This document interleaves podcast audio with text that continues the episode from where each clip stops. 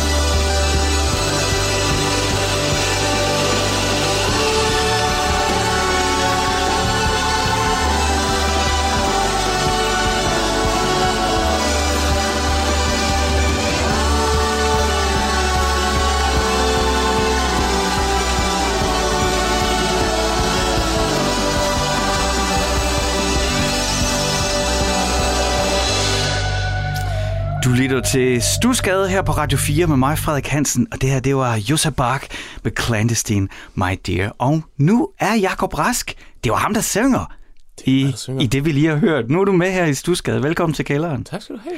Og øh, jeg tjekker lige min teknik. Det hele, det kører. Det ser ud, som om vi optager alt. Øh, jeg tror, det hele er, som det er. Jeg har kaffe, og du har vand. Og nu har vi øh, 50 minutter til at snakke om det bedste emne i hele verden. Det er musik. Altså, det er jeg ret sikker på, at alle ikke er enige med mig i, men sådan har jeg det. Jamen, det handler om at finde de rigtige venner, tror jeg.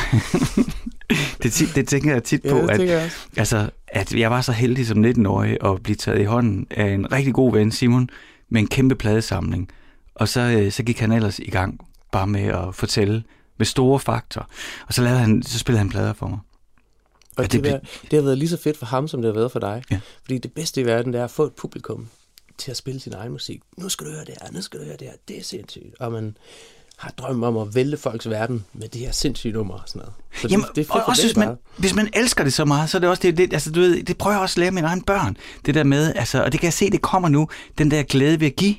Altså, det er jo en gave, man giver. Absolut. Altså, i hvert fald, Ja. hvis man, Ja, det der med, gud, kender du ikke det? Jeg kan huske en gang, jeg havde en kollega, som, øh, som var sådan, ah, man, han havde mødt nogen, og han syntes, de var så fede, fordi at øh, han gik meget op i film.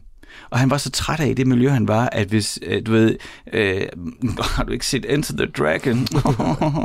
så, ved, så han mødte så nogle nye højskolevenner, og de var sådan, har du ikke set Enter the Dragon? Hvor fed, den skal vi se sammen. Altså, du ved, det der med at kunne, wow, så kan jeg være med, når du hører det første gang. Præcis. Ja, det er som at være med til en vild fødsel, jo. Jakob, øh, vil du prøve, øh, nu du sagde du selv fødsel. Det her, det er jo sådan et øh, freudiansk musikprogram. Vi skal finde ud af, hvad det er øh, for noget musik, som øh, du er blevet udsat for i din tid, som jo helt sikkert har været med til at, at forme dig, og forme øh, den kunst, du laver. Måske ikke en til en, måske ikke direkte, men må ikke, det ligger derinde. Og øh, Det Ja. gør det. Det tror jeg altid, det gør.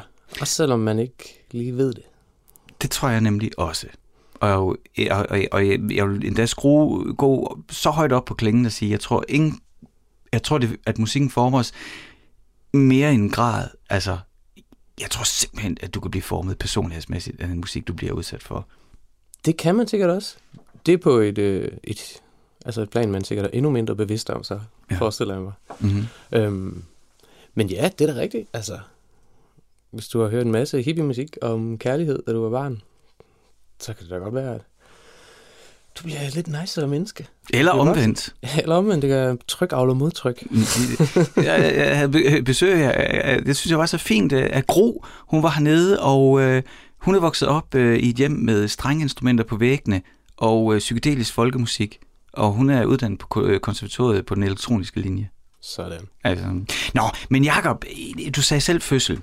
Vil du ikke tage os tilbage i, i tid og sted til dengang, hvor øh, musikken lige pludselig ikke bare var Kai og Andrea, eller hvad nu nogen kunne sætte på, eller hvad man blev tvunget til at synge til musik, men hvor musikken lige pludselig blev sådan noget, hvor du var, hov, vent, hvad er det? Hvad er det? Altså, hvor er vi henne i landet, og hvor er vi henne i tiden? Jamen, vi er i Kolding i, det er nok 90'erne, før det sådan rigtigt. Øh, jeg husker faktisk aldrig, at det sådan har været Kai og Andrea, du ved, altså sådan børnemusik, børnemusik. Øh, det har det sikkert været. Øh, men øh, jeg tror, der er nogle år, øh, hvor man som barn, eller sådan har jeg i hvert fald oplevet det, inden man sådan, øh, nogle år inden man sådan bliver påvirket af klassekammerater, skole, hvad er sejt og hvad er ikke sejt og alle de der ting, hvor du stadigvæk øh, måske mest er påvirket af den musik, du bliver udsat for derhjemme. Og det er nok heldigt for mit vedkommende, fordi jeg kommer fra en generation, som hvis jeg ligesom bare var gået med det, der var, så snakker vi jo, øh, altså snakker vi jo Venga Boys og hvad hed de alle dem der, øh, aqua, alt sådan noget, ikke? Altså der, Ja. der er virkelig nogle, øh, nogle farlige huller, man kunne falde i der i 90'erne. hvis ikke Ja, man... på den ene side kan man sige, så var der jo hele den der grunge-ting. Den kan man jo Det så var også, der nemlig den, også, Men det den er også på en eller anden måde karikeret, synes jeg i hvert fald lidt. Jeg har forleden der Ja, lyttet af det der det er første rigtigt. Pearl Jam Ja. album, og du ved, alle folk, et mesterværk. Og jeg synes sådan lidt, jeg synes sådan nærmest, åh, det er også sådan lidt nærmest satire over en tid. Og ligesom det modtryk, der så kom efter med Bubblegum, Aqua, Venga, Ja, alle de der ting, ikke? Jo. Hvor alting bare var 90'er, happy-go-lucky, fuld blæs på MDMA og alle farver. Ja, der, var mange, der var mange gryder, du kunne have faldet i. Ja, men altså, jeg faldt, i, øh, jeg faldt sgu i Beatles-gryden. Øh, Hvad er det for et hjem, du kommer fra? Var det, Jamen, øh, lyttede man til Beatles derhjemme, eller hvad skete der? man lyttede til Beatles. Øh, man lyttede mest til musik, da jeg var yngre, så, øh, så blev det mindre senere, så blev det mere radio og sådan nogle ting. Mm. Men øh, det var måske også før... Nej, det var det jo egentlig ikke. Det var ikke før radio. men øh, der var øh, en god pladesamling. Øh, Hvorfor var der det? Jamen, det var der vel egentlig bare, fordi altså, jeg kommer ikke fra et musikhjem overhovedet. Min far er smed, og min mor er bankdame, så der er ikke, øh, der er ikke så meget der, men, øh, men de kunne godt lide musik. Øh, og det var, ikke, det var ikke den der, nu skal vi opdrage noget musikalsk, det var egentlig min egen nysgerrighed, som, som bare drev, drev det fremad. Altså, så, så sad man, øh, jeg fik lov at lege med pladespilleren, der jeg ligesom var blevet oplært i det. Øhm, og så, jeg har hørt, at dengang, så var man enten en Beatles-mand, eller også var man en Stones-mand. Jeg ved ikke Mhm. helt, om det Nej, altså, jeg tror, vi satte sådan Jeg sat. hørte det samme med, hvad er det, Cliff Richard eller Elvis. Ja, altså, præcis, Dengang, ja. det var sådan meget enten eller-agtigt. Eller i 90'erne, Oasis eller Blur. Oh ja, den er også, den er sværere, vil jeg sige. Øh, Det var sådan, at min far var Beatles-mand, og min mor var Stones kvinde. Mm. Øhm, Og alligevel fandt de sammen. nej, det gjorde de sgu ikke. Det var sgu Beatles, der vandt. Nå. Nå, de to fandt sammen. Ja, ja. Absolut. Ja, ja, det kan være, det har været... det ved ikke modsætninger mødes. Øhm, men min far havde utrolig mange af de der gamle Beatles-plader. Øhm, så det har jeg faktisk lyttet til, altså fra så tidligt jeg kan huske. Jeg tror, det er nogle af mine tidligste sådan, musikalske oplevelser. Det har faktisk været de der Beatles-vinyler, mm. øhm, som jeg bare slid op. Øhm, og jeg synes bare, det var så fedt. Øhm, og der er sådan... Øhm, du sendte mig nogle spørgsmål for inden Ja. i forhold til, hvad for noget musik har givet dig øh, den første sådan aha-oplevelse musikalsk, mm. eller et eller andet. Og der, øhm, og der er det faktisk ikke Beatles. Altså, jeg tror også, du kan genkende det her med, at noget musik er så meget en, en integreret del af dig på en eller anden måde, så det er ikke... Øh, altså, du ved, man går heller ikke rundt hver eneste dag og tripper over, hvor fedt det er at have en mor og far, du ved. Man går heller ikke rundt hver eneste dag og- har det vildt over, at der er luft, som man kan bruge til at trække vejret med. Så noget, noget, som man egentlig burde elske meget, meget højt, det kan blive så øh, indarbejdet i din, i din øh, i dit liv, så det er noget, du nærmest holder op med at sætte pris på, fordi det er bare ligesom... Øh, En selvfølgelighed. Ja, ja, præcis. Det er ligesom luft, du ved ikke? Så på den måde, så Beatles var aldrig noget... Det var aldrig det, der sådan væltede min verden, fordi det, det har ligesom altid Mm. været der, ikke? Men øhm, til gengæld har det jo formet ens... Det har ligesom været et spejl, man har hørt rigtig meget andet musik op af. Ja, ja. For jeg stiller jo altid det der spørgsmål. Altså, øh, fortæl mig det nummer, der ligesom, hvor musikken trådte frem og gav dig sådan, wow, hvad er det? Og mit andet spørgsmål, det er, hvilken musik gav dig lyst til selv at blive kunstner? Og Præcis. betyder det, at du i virkeligheden gerne vil have byttet om? Ja, fordi altså, det, der gav mig Det lyst kan til at godt. spille musik, det var jo Beatles. Altså, det var det, jeg hørte helt, da jeg var barn. Ikke? Men, øh, men det var ikke det, der gav mig min første øh, ud af kroppen oplevelse. Det var først noget, der gik op for mig altså senere, tror jeg. Men nu har jeg byttet om på sangene. Nu er det byttet om sangen. Ja. Så tager vi det. Så nu hører vi Beatles. Ja, det synes Det jeg, synes jeg fordi er så bliver det, bliver det mere kronologisk her. Det kan jeg godt lide. Præcis, det kan jeg også godt lide. Jamen så fortæl mig, altså fordi så, så tager vi det spørgsmål nummer to. Altså den der, den der drøm om selv at vil spille. Jeg kan, jeg kan give dig et eksempel. Noget af det, som jeg synes, der er det fedeste ved barndommen, og nu er jeg jo selv børn, ikke? Og, og virkelig, jeg håber, nogle gange, på den ene side, så, så er de jo velsignet af, at de har skærme og adgang til alt hele tiden. På den anden side, så kan jeg godt sådan få lidt ondt af dem, fordi Jesus, har jeg brugt meget tid på at dagdrømme. Og jeg tror, ja, altså, ja, enten det var det var- spild af tid, det er jo svært at bevise, men jeg tror ikke, at det har givet mig nogle adgang til ret hurtigt få gang i fantasien, eller ret hurtigt at skabe noget. Fordi Det jeg er tror jeg simpelthen så trænet i, at der ingenting var, så jeg skulle bare finde på. Ja, ja, Og musik i baggrunden til dagdrømmeri er vel noget af det bedste. Det kan noget, det kan noget, men det er jo også bare en anden lytteoplevelse, du ved. Altså, man er jo selv faldet i det hul i dag. Altså, jeg, øh, du, du har nærmest ikke udgivet en sang i dag, hvis ikke den kommer med en video, du ved. Mhm. Øhm, og jeg skal ikke kunne sige, om det gør noget godt eller dårligt for lytteoplevelsen, men det gør noget andet i hvert fald, ikke? At, øhm, at du skal du blive underholdt på to måder lige pludselig. Øhm. Men, men når du øh, fik lov til at, at styre pladespilleren, og så kunne bladre rundt i Beatles-samlingen fra din far og sætte dem på, hvor drømte du dig så hen, når du lyttede? Jamen, jeg drømmer direkte på scenen i virkeligheden. Øhm, man kunne, øh, jeg var meget omsyningsparat, så du ved, man kunne sidde og lytte, og så kunne man forestille sig, at det var mig, du ved, der sang, eller det var mig, der spillede guitar. Men det kunne godt være, så i de der fire sekunder, var der, hvor der var noget fedt, der blev spillet på guitar, så var jeg guitaristen. Mm. To sekunder efter, så var der et fedt trommefed, så var jeg trommeslager. Så det var i virkeligheden bare, ens hjerne kørte bare billeder ind i hovedet, ikke? fordi ja. at, øh, man ville gerne være den, der lavede noget, der var så fedt. Og jeg tror, det der, det, det der gav en lyst til at spille musik, ikke? det var øh, lysten til at men var det sådan, du selv? havde det? Altså, når du hørte det, så var det, var det, så, var det den måde, du, du reagerede som barn på, det var det der, det vil jeg også? Ja, det var det. Det, var, For det tror jeg ikke, at alle har det sådan. Nej, det tror jeg heller ikke. Altså, det var ikke sådan den store, øh, nu øh, glemmer jeg alle problemerne i, for skolegården eller noget. Det var egentlig bare, det var sgu ligesom at, at drømme om at være god til at spille fodbold, eller sådan et eller andet, ikke? Øhm, der var ikke sådan, det var ikke reflekteret på den måde i den alder for mig. Mm. Det var bare, øh, det lød bare fedt, du ved. Og så, hvis man oplever noget, der er fedt, så vil man gerne, vil jeg i hvert fald gerne, bare gøre det samme, ja.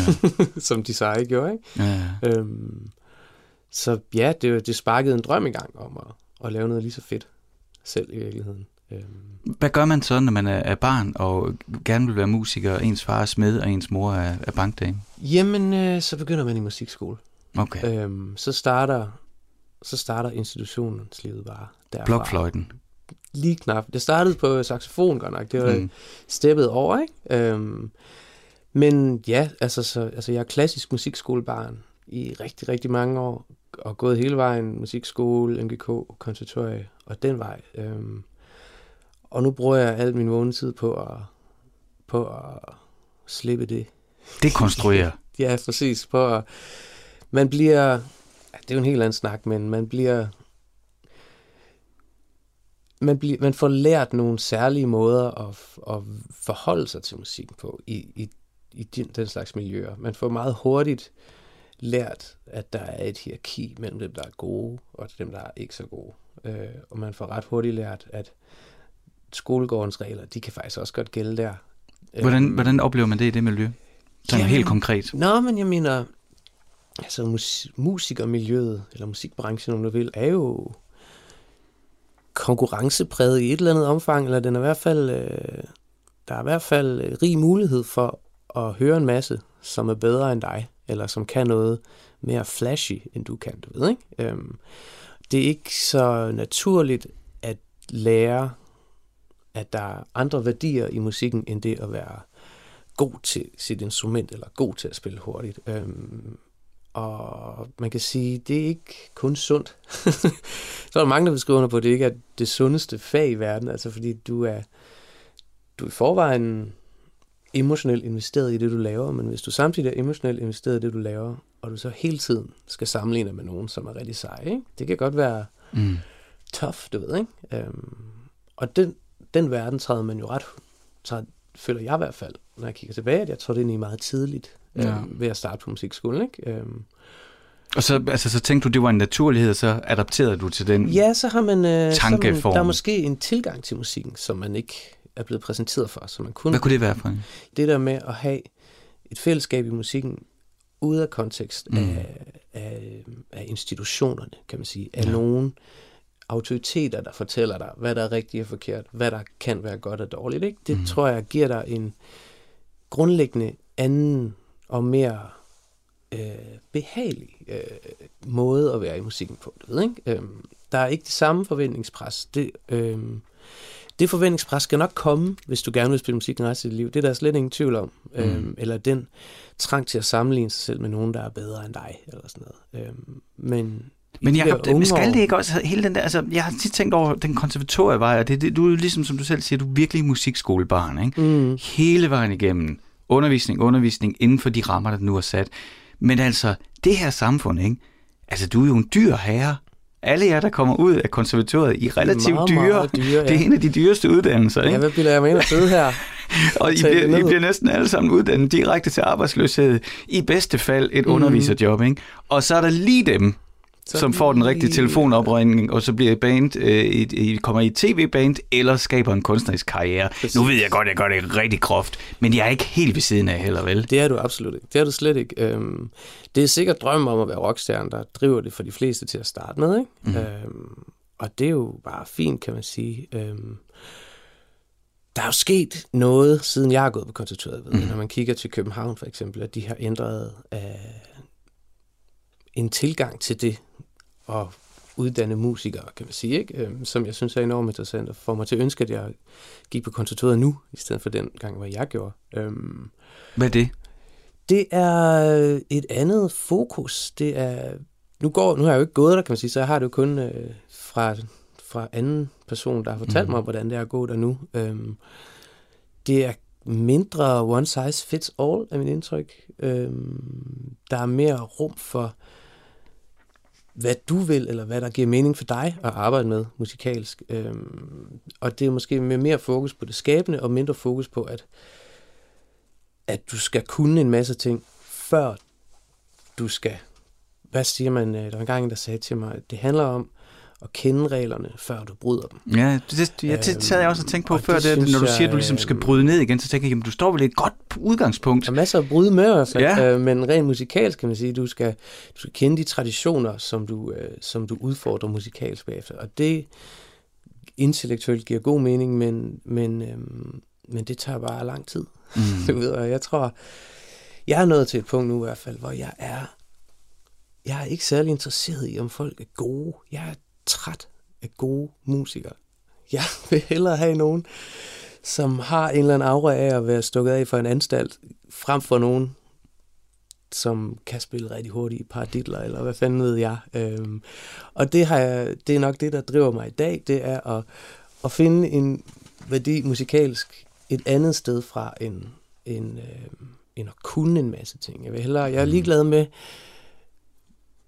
jeg er ikke interesse, jeg er interesseret i, hvad folk har at sige. Jeg er ikke interesseret i, hvordan de siger det. Mm. Øhm, jeg er ikke interesseret i, hvor, hvor rigtigt de spiller det, når de spiller det, eller om de støtter på den rigtige måde, når de synger det. Jeg er sgu mere interesseret i, hvad de synger. Øhm, og altså, det ved jeg, du er enig med mig i, det er musikhistorien jo, er jo fyldt med, med Ringo Starrs og Bob Dylan og alle mulige folk, som enten spiller egentlig rimelig dårlige trommer, eller synger rimelig dårligt, men som bare er, vælter folks verdensbillede med deres ja. musik, ikke? Øhm, og det er sgu ikke fordi, at Ringos paraditler sad lige i skabet, eller hvad det nu er, der sidder i skabet. Men det der er ingen, der kan ryste en shaker, som Ringo han kunne. Det eller er, kan. det er rigtigt, eller spille den der ja. klokke der. Det, men altså, jeg vil jo sige, hvis vi, gør, hvis vi går ovenpå, nu sidder vi her i kælderen i Stusgade, hvis vi går ovenpå og bladrer igennem min pladesamling, så vil jeg sige, så den i 90% af, hvad der er deroppe, det matcher det, du siger. Mm. Det er langt mere folk, der er gået ud af en tangent og fundet ud af, hvad det er, og hvem de er i det, end, øh, der er ikke noget øh, Toto eller Dream Theater, eller hvad man nu kan finde på, af sådan nogle øh, konstellationer, øh, hvor folk, altså alle, ja, bare er højeste niveau på deres instrument. Så det forstår jeg, det du siger. Mm. Jeg vil alligevel bare lige sige, der er stadigvæk, jeg har stadigvæk også begejstring for godt håndværk. Du kan godt lide Sabba, ved jeg. Jeg kan godt lide Saba, ikke? Han, han havde nogle gode folk, men jeg kan jo egentlig bedst lide det gamle Saba, hvor det er sådan lidt yeah. slinger i valsen stadigvæk. Så, men, så, altså, men også... må jeg ikke bare lige dele en enkelt ting med dig? Så skal jeg nok prøve at styre mig. Du skal bare skyde løs. det var bare, jeg så sådan et af de der tv-programmer. Øh, og nu har jeg glemt, hvad trommeslægerne hedder. Det er sådan en dansk trommeslæger, der spiller med alle. Sådan en afbladet blondt hår. Og så med Oliver, Oliver McEwen på bass, ikke? Mm. Og der kom sådan en lille øh, break i den her sang, og hvor de så landede, og hvor det simpelthen vuggede og svingede så meget, at jeg sådan fløj op af sofaen ja, ja. i min sten, og så ved jeg, hvor bare havde lyst til, at helt alene i stuen, klap højt af, at de der to, ikke, fuck, de spillede ja. godt sammen. Men altså, det er jo også nemt for mig, at det er jo skide nemt at sidde og sige, ah, men øh, folk skal holde op med at være så gode, eller sådan noget. øhm, det er jo slet, det er jo egentlig, altså, jeg er jo glad for, at Sara, som spiller trommer i mit band, spiller pissegodt trommer, og jeg er pisseglad for, at Kåre spiller skide godt bas, og Elias spiller godt keys. Fordi hvis ikke de gjorde det, altså så var jeg jo på røven, fordi det er jo nemt nok for mig at stå og sige, jeg gider ikke øve mig, vi skal bare være dårlige alle sammen, men det holder jo kun, fordi der er nogle andre, der faktisk gider øve, så er det ved, ikke? øhm, men jeg tror, kender du øh, Frederik Silius? Mm-hmm. Øh, sjov radiovært, Kirsten Birgit, øh, som jo også er uddannet klarinettist, han øh, præsenterede engang en korsang i, øh, på B2. Sådan et svensk kor, der synger sådan en salme, julesalme, der bare hedder Jul, strålande jul, eller sådan noget. Og han sagde, at det her var det smukkeste og grimmeste, han kendte, fordi de var simpelthen, de var så gode. De sang så rent, og de sang så smukt. Og de var beviset for, at i alle orkestre, der skal være en eller anden, som er the human factor, som sidder over med sin klarinet i hjørnet og spiller forkert, eller sidder og fucker op, eller et eller andet. Fordi at det var næsten, de var blevet så gode, så det havde tabt lidt sjæl, eller sådan mm. noget. Og jeg kan godt lide ideen om, at, at øhm, jeg elsker, altså, jeg tror, det er Emil Waal, du snakkede om, Trommesland, der kunne jeg forestille mig. Nej, det er en yngre en, altså. Nå, ja, men det er også lige okay. meget. Men der er jo så mange sindssygt fede folk, Ja, derude, ja. ikke? og det er jo en elsker at lytte til, elsker at lytte til alle mulige dygtige folk også. Det skal, det skal slet ikke hedde sig. Øhm, og jeg kender masser af dem, og jeg beundrer det rigtig meget. Men det er mere brugt som et, et, ved, et billede på, hvordan noget kan stikke af. Du ved, hvordan man helt kan tabe fokus fra den gode sang, mm. eller den øh, smukke fortolkning fra en sanger, eller sådan noget. Øhm, og det synes jeg bare er vigtigt. Og det er jo også, alle folk er jo, som de er, som en reaktion på noget, de har været i. Hvis man som mig har været i et institutionsmiljø i så mange år, ikke, så er det måske naturligt for mig, at jeg bare siger, jeg gider ikke mere nu. Jeg gider ikke øve flere skalaer nu. Nu vil jeg fandme spille noget musik i stedet for, du ved. Øhm, Det er meget godt cue til at spille øh, så det første nummer, som så er det andet nummer. Vil du ikke introducere, hvad er det, vi skal høre? Jamen, så skal vi høre Beatles. Ja. Så skal vi høre øh, Dear Prudence. Uh-huh. Øh, og øh, faktisk, apropos trommer, så tror jeg faktisk, det er Paul McCartney, der spiller trommer på. Han er så god. Øhm, Han er nemlig god, men altså, det er jo så sjovt, det har jo verdens længste trommefæld. Øhm, fantastisk lang, lang. Jeg ved ikke engang, om det hedder et fill, eller det bare hedder et underligt groove, eller et eller andet. Men jeg tror, at den sang, den stikker jo sådan 15-20 øh, BPM af, eller sådan noget, i løbet af det trommefæld. Pludselig så er den bare pisse hurtigt, du ved. Men det var okay, du ved. Det var fedt, fordi det, hvis det er fedt, så er det fedt, du ved. Så er det sgu lige meget, om den stiger eller falder i tempo. Det er bare et meget smukt eksempel på det. Øhm, så Lad os en lytte skide til god sang, altså. Ej, det, bliver- det, den bliver aldrig træt af.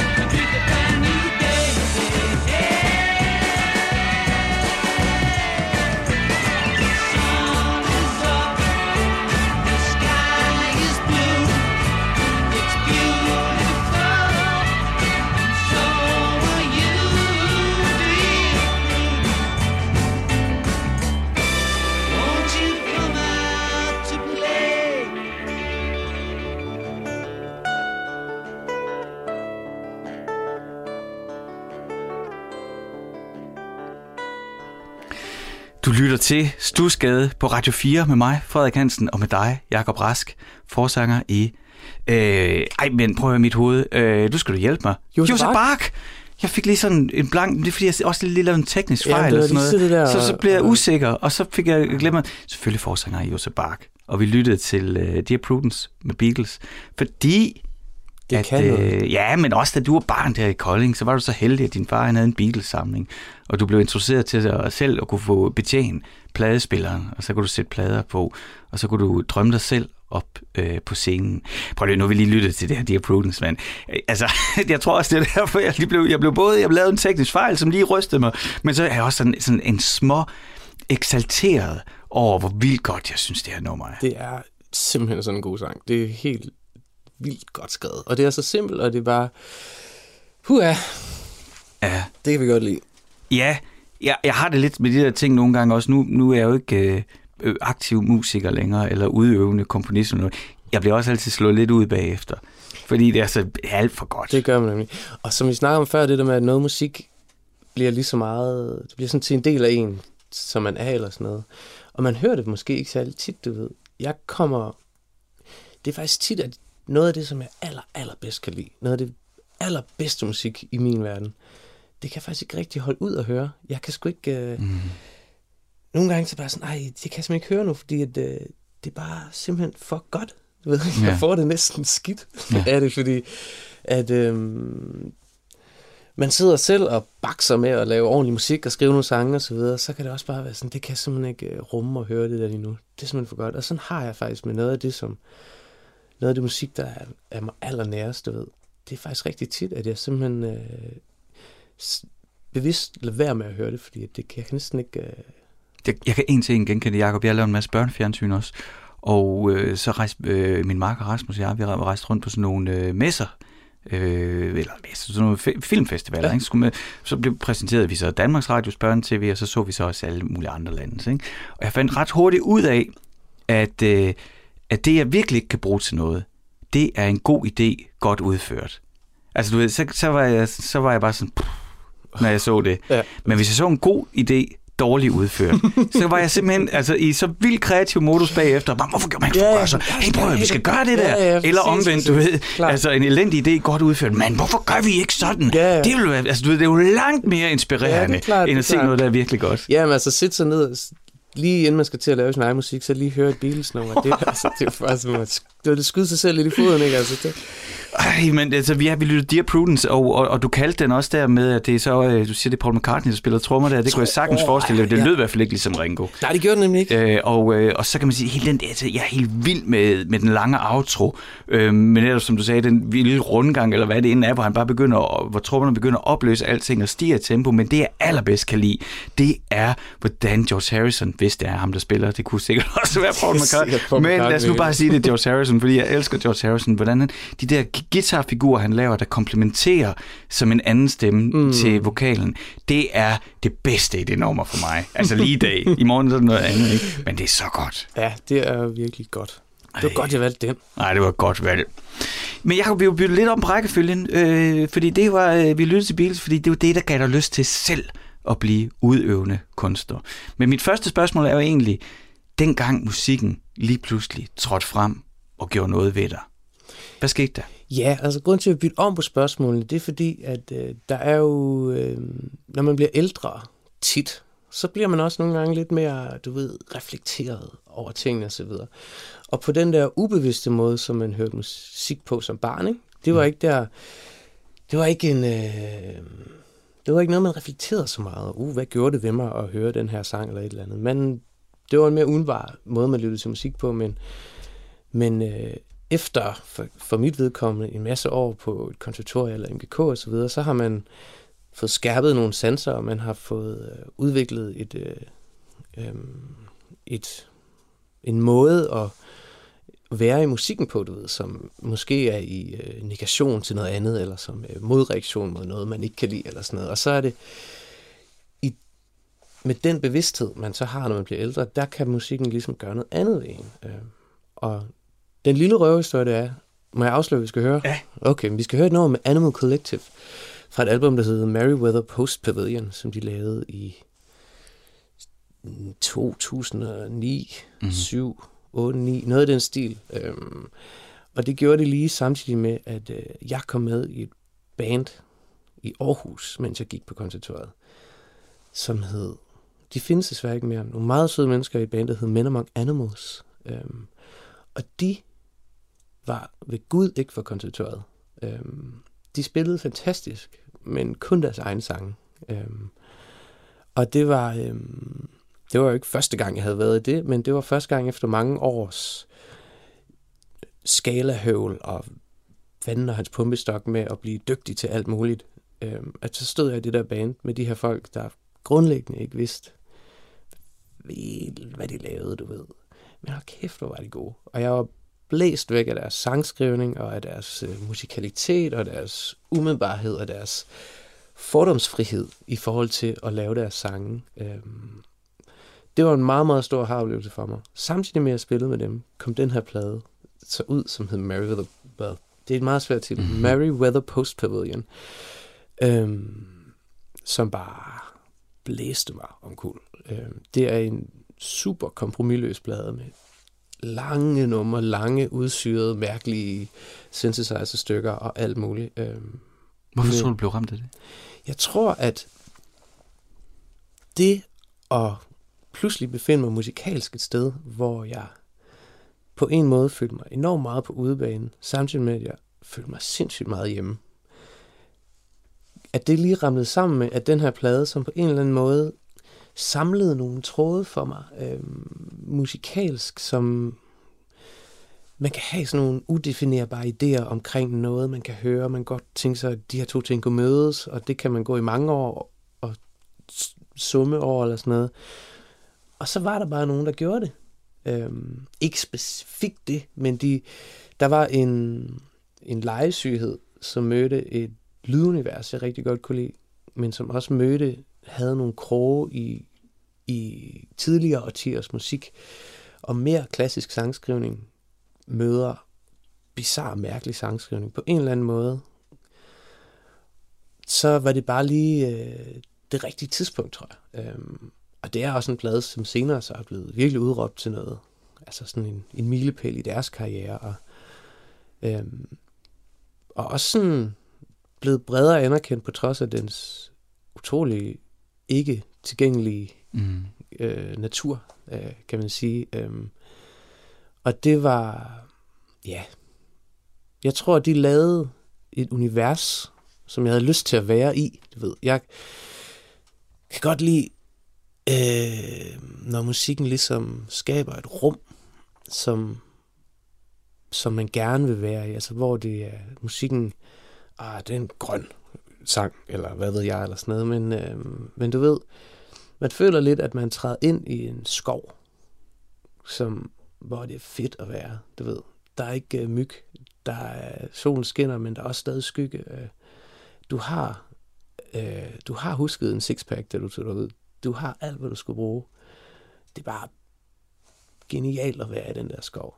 Sådan som det ser ud lige der, sådan lyder deres musik for mig, du ved. De skaber ligesom det her rum med alle sanser stimuleret på samme tid, selvom der ikke er video til osv., men du ligesom lukker øjnene, og så kan man være der. Og så er det så heldigt, at numrene er kilometer lange, du ved. så du får lov at være der. Radio friendly. Ja, præcis. Det er lige, lige ind på P3 med det der, hvis øh, i en bedre verden. Mm. Øhm, hvor, hvor kom jeg fra, da vi skulle ind der? Det var det her med musik, der åbnede. Ja, nemlig. Jamen, det åbnede mig bare. En, en, det åbnede mig ikke bare musikalsk, fordi det var første gang, jeg hørte Animal Collective, men det var også...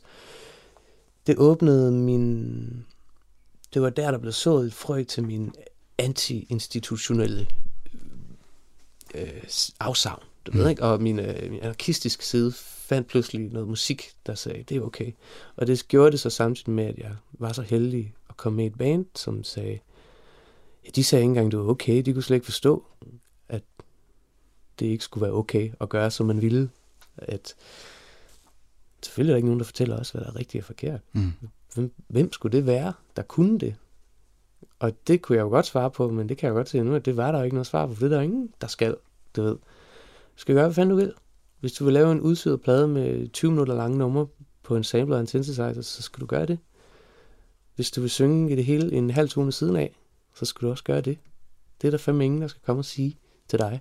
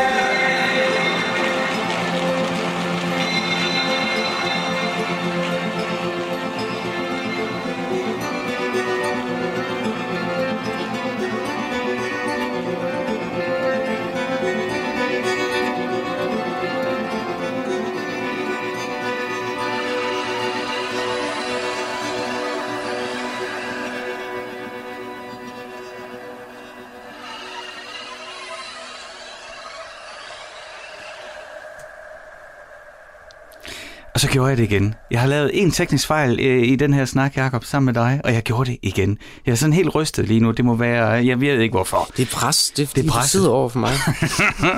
du lyttede til Stuskade, og det du lige lyttede til, det var In the Flowers med Animal Collective. Den havde du ønsket, Jakob Rask, forsanger i Josse Bak, fordi du er dagens gæst her i Stuskade, og det var et nummer, som øh, på en eller anden måde fik åbnet, gav dig en aha-oplevelse efter en lang institutionalisering i musikskolen. Så var der nogen, der gjorde tingene på en anden måde.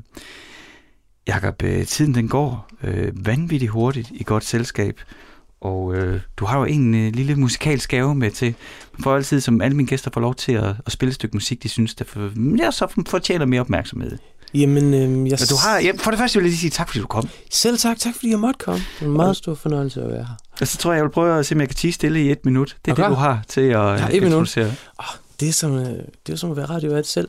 Vi snakkede lige i øveren i dag, bandet, der vi pakkede gear om, hvor ærlig skal du egentlig være, Jakob, når du præsenterer de der numre? Fordi i virkeligheden, så skulle du jo være helt ærlig at sige, det første sang, du hørte, som du gik helt amok til, det var jo Mr. President. Den første CD, du købte, det var jo Tony Braxton.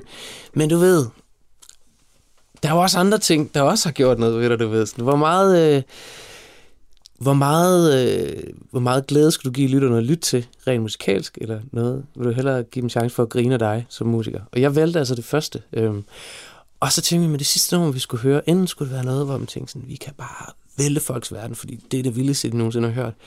Eller også, så skulle vi bare finde en sang, som bare skød folk afsted, og fik en pissegod fredag. Og der bare Talking Heads, uh, Once in a Lifetime, det kan bare... Kæft, det er fedt, altså. Jakob Rask, tusind tak, fordi du var med. Tak fordi jeg måtte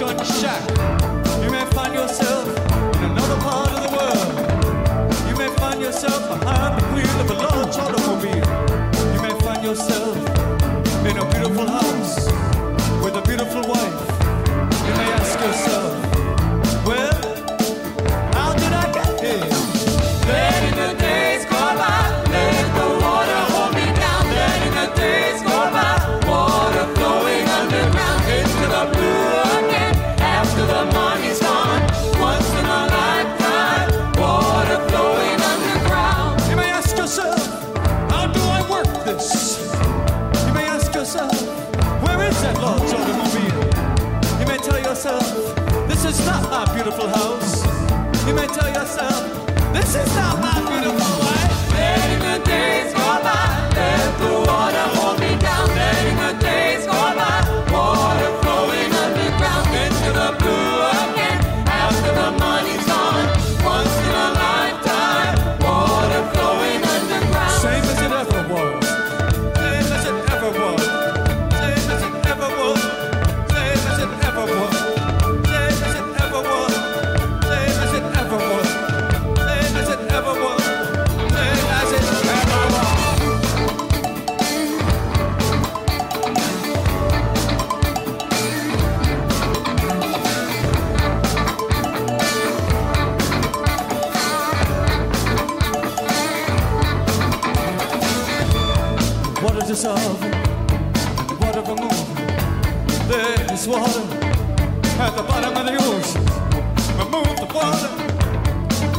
Oh.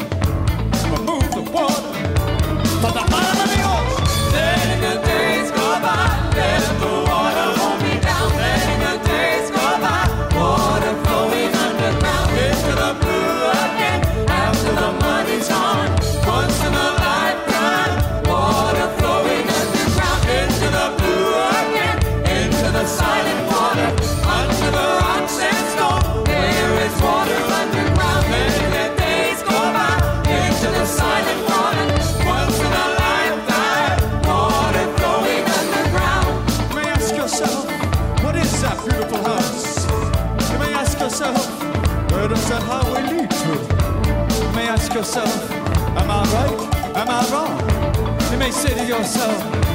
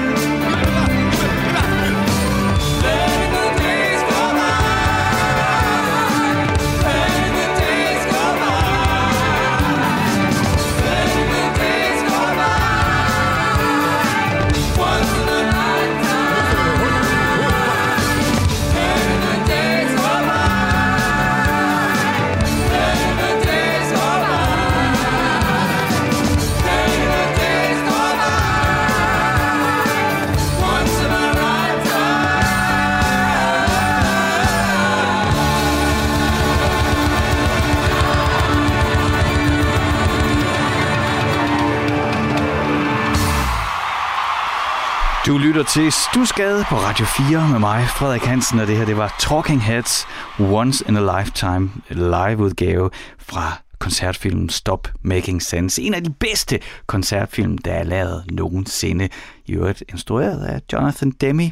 Det øh, var også den samme instruktør, som lavede Silence of the Lambs, du ved, den med Hannibal Lecter og alt det der. Men han har altså også lavet nogle fremragende koncertfilm, og det kan jeg kun anbefale, at hvis du ikke har fået set Stop Making Sense, så, øh, jamen, så er det bare at komme i gang. Det er det der, så, så mange musikalske gaver, der hele tiden ligger og venter på en. Jeg tror aldrig, jeg bliver færdig. Til gengæld, så er Stusgade færdig for i dag. Jeg er tilbage igen næste fredag. Nu er der nyheder lige her på Radio 4.